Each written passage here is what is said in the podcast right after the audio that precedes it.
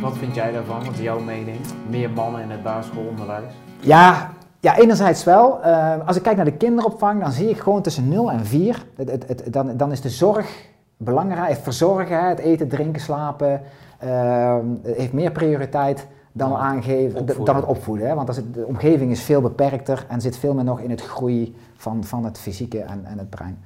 Um, dus van 0 tot 4, 0 tot 3 zeg ik, dan, dan, dan zit de vrouwenenergie daar super in. Op het moment dat je naar de BSO gaat, uh, buitenschoolse opvang, uh, dan zie je dat uh, veel dames die bij mij werken nog steeds het eten en drinken perfect regelen. Maar je ziet dat veel kinderen behoefte hebben aan ravotten, spelen, doen. Ik zeg niet dat mijn dames dat niet kunnen. Heel goed zelfs. Maar als het ooit terugkomt op de basis, dan zie je dat die rolverdeling een beetje uit elkaar gaat. Terwijl de, de jongens die we hebben, of de mannen die we hebben, die spelen, doen, zetten klaar. En uh, oh ja, ik heb dorst, uh, even meestal de oude term, hey, pak even wat drinken. Terwijl een leidster mij drinken gaat halen en doen, die zit nog meer in het zorgen. Kunnen we allemaal trainen en doen. Maar als je die basisdingen ziet, dan denk ik in ieder geval middelbaar onderwijs, uh, meer docenten. Niet alleen maar.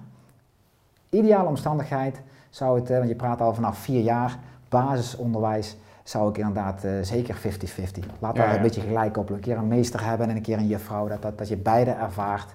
En, en dan zie je nog per kind dat de ene wat beter tot zijn recht komt bij, bij die meester. Ja, en bij die meester minder. Dus daar zit ook nog, en dan kom je weer op een veel breder, want dan heb je niet man of vrouw. Maar dan heb je een veel breder uh, palet aan uh, ja, categorieën waar je mensen, eigenlijk hokjes waar we niet willen. Dat ja. doen.